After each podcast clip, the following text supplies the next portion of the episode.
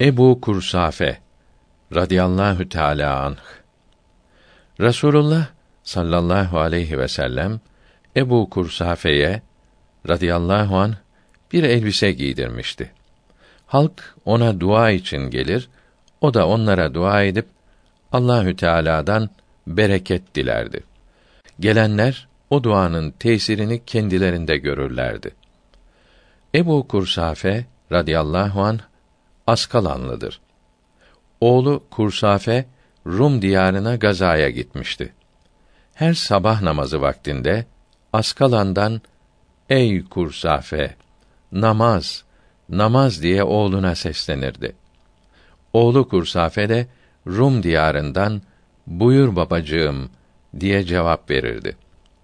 Arkadaşları sen böyle kime cevap veriyorsun diye sorduklarında babam beni namaza uyandırıyor derdi. Ebu Kursafe radıyallahu an şöyle rivayet etmiştir. Resulullah'tan sallallahu aleyhi ve sellem işittim.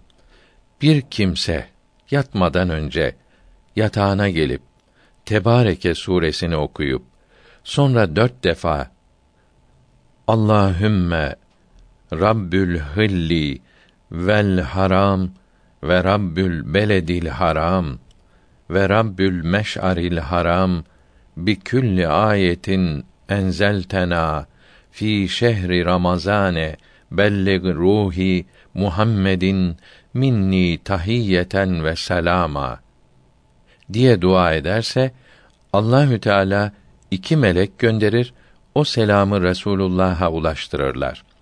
Resulullah da sallallahu aleyhi ve sellem benden de falan oğlu falana selam söyleyin.